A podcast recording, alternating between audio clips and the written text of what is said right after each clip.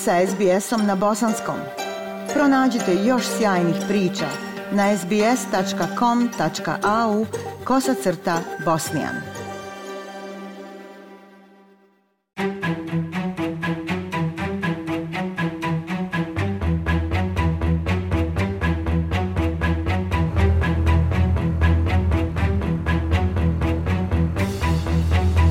Slušate SBS program na bosanskom. Stanje sluha ima značajan negativan uticaj na mnoge ljude širom svijeta, ali se lako zanemaruje. Obzirom da svaki treći Australac živi s nekim stepenom tinitusa, to može ometati mnoge aspekte svakodnevnog života i uticati na mentalno zdravlje i dobrobit. Iako su mehanizmi suočavanja s tinitusom dostupni, stručnjaci kažu da su istraživanja u toku kako bi se pronašlo trajnije rješenje, kako nas izvještavao Mohbelo. Sjediti na polju noću i ne čuti ništa, to je želja svakog pacijenta sa zujanjem u ušima, ali jedva da se ikada ostvari. Tinitus koji se često opisuje kao zujanje u ušima ili glavi je percepcija zvuka bez vanjskog izvora. Tinitus može biti konstantan ili povremen, glasan ili tih, blag ili jak i može se čuti u jednom ili oba uha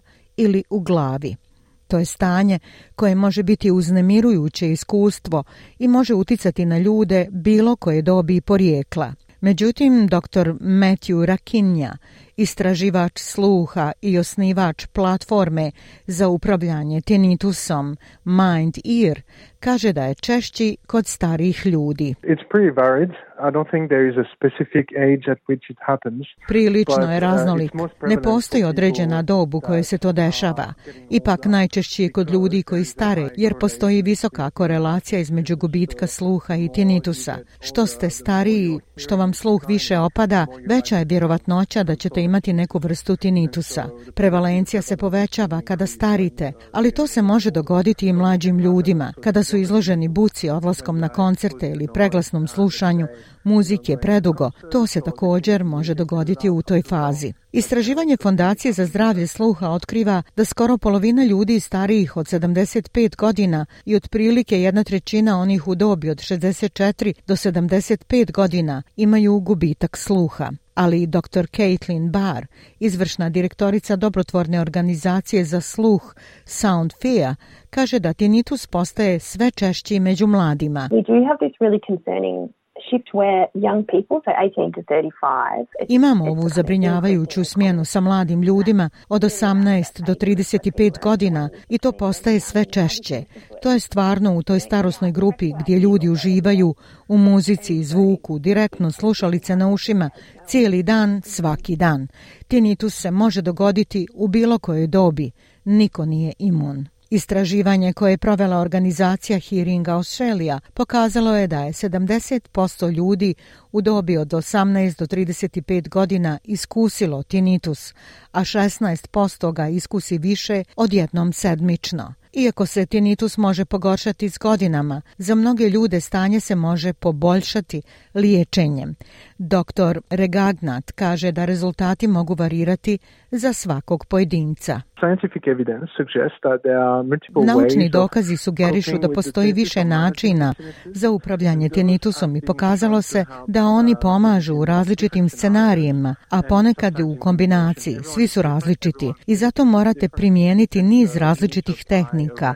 Svaka osoba sa tinitusom mora pronaći pravu kombinaciju rješenja za nju koja je odgovara, izgraditi rutinu i navike zbog kojih će se osjećati bolje i nositi s tinitusom. Liječenje tinitusa nije jedno rješenje za sve, jer ljudi koji žive s tinitusom čuju različite vrste zvukova.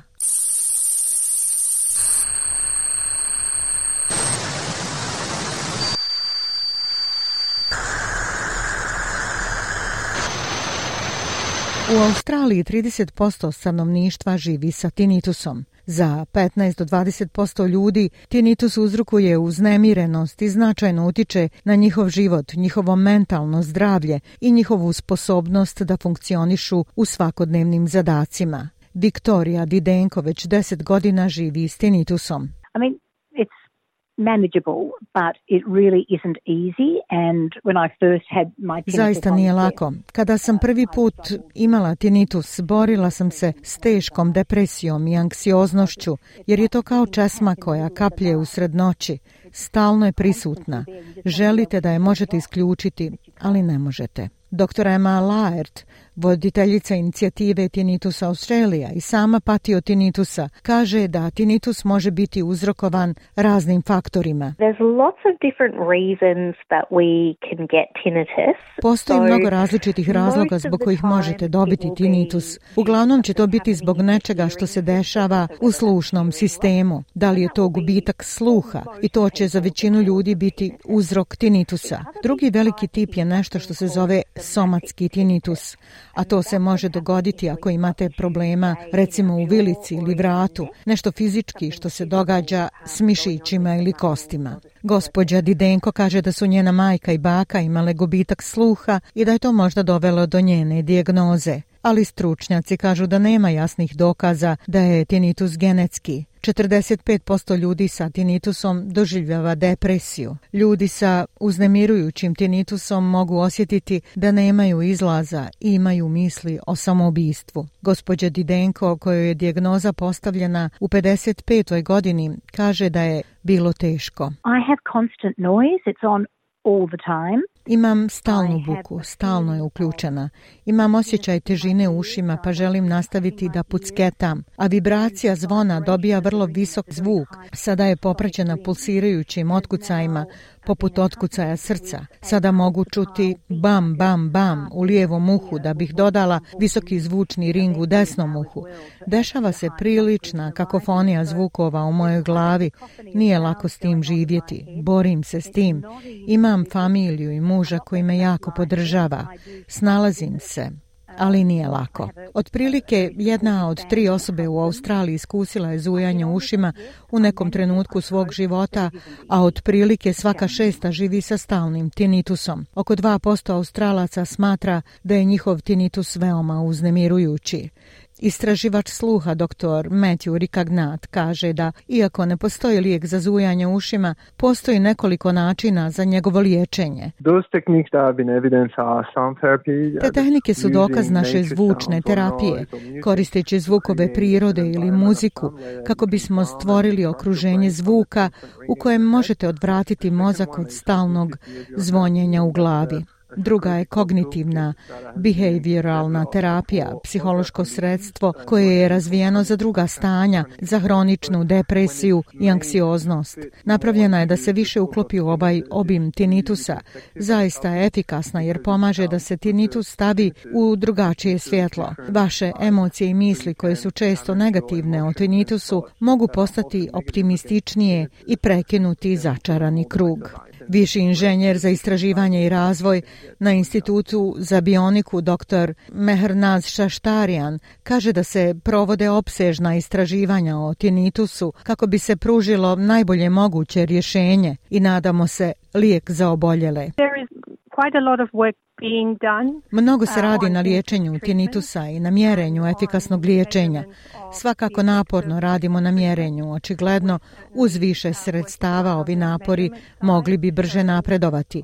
Mislim da bi svako ko iskusi ovo stanje trebao imati vjeru da postoje stvari koje se mogu učiniti, a također da je postignut napredak. I dr. Caitlin Barr kaže da je potrebno više svijesti o stanju. Pošto je tako nevidljiv, veoma ga je teško izmjeriti. Ljudima koji to nemaju, veoma je teško shvatiti kako je to. I vrlo je teško ljudima koji imaju tinnitus da potraže pomoć. Zato ono što želimo da ljudi urade je da ovo nevidljivo stanje učine vidljivim, govoreći o tinitusu. Morate razgovarati s nekim, potražiti pomoć, jer postoji mnogo različitih načina na koje možete dobiti pomoć za svoje svoj tinitus. Ako vama ili nekome koga poznajete treba pomoć u kriznim situacijama, kontaktirajte Lifeline na broj telefona 131114, službu za povratne pozive za samoubistvo na 1300 659 467 i liniju za pomoć djeci na broj telefona 1800551800. Za SBS na bosanskom jeziku Aisha Hadži Ahmetović. Ostanite i dalje s nama. SBS na bosanskom. Podijelite naše priče preko Facebooka. Želite poslušati još ovakvih priča? Slušajte preko Apple podcasta, Google podcasta, Spotify ili kako god da primate svoje podcastove.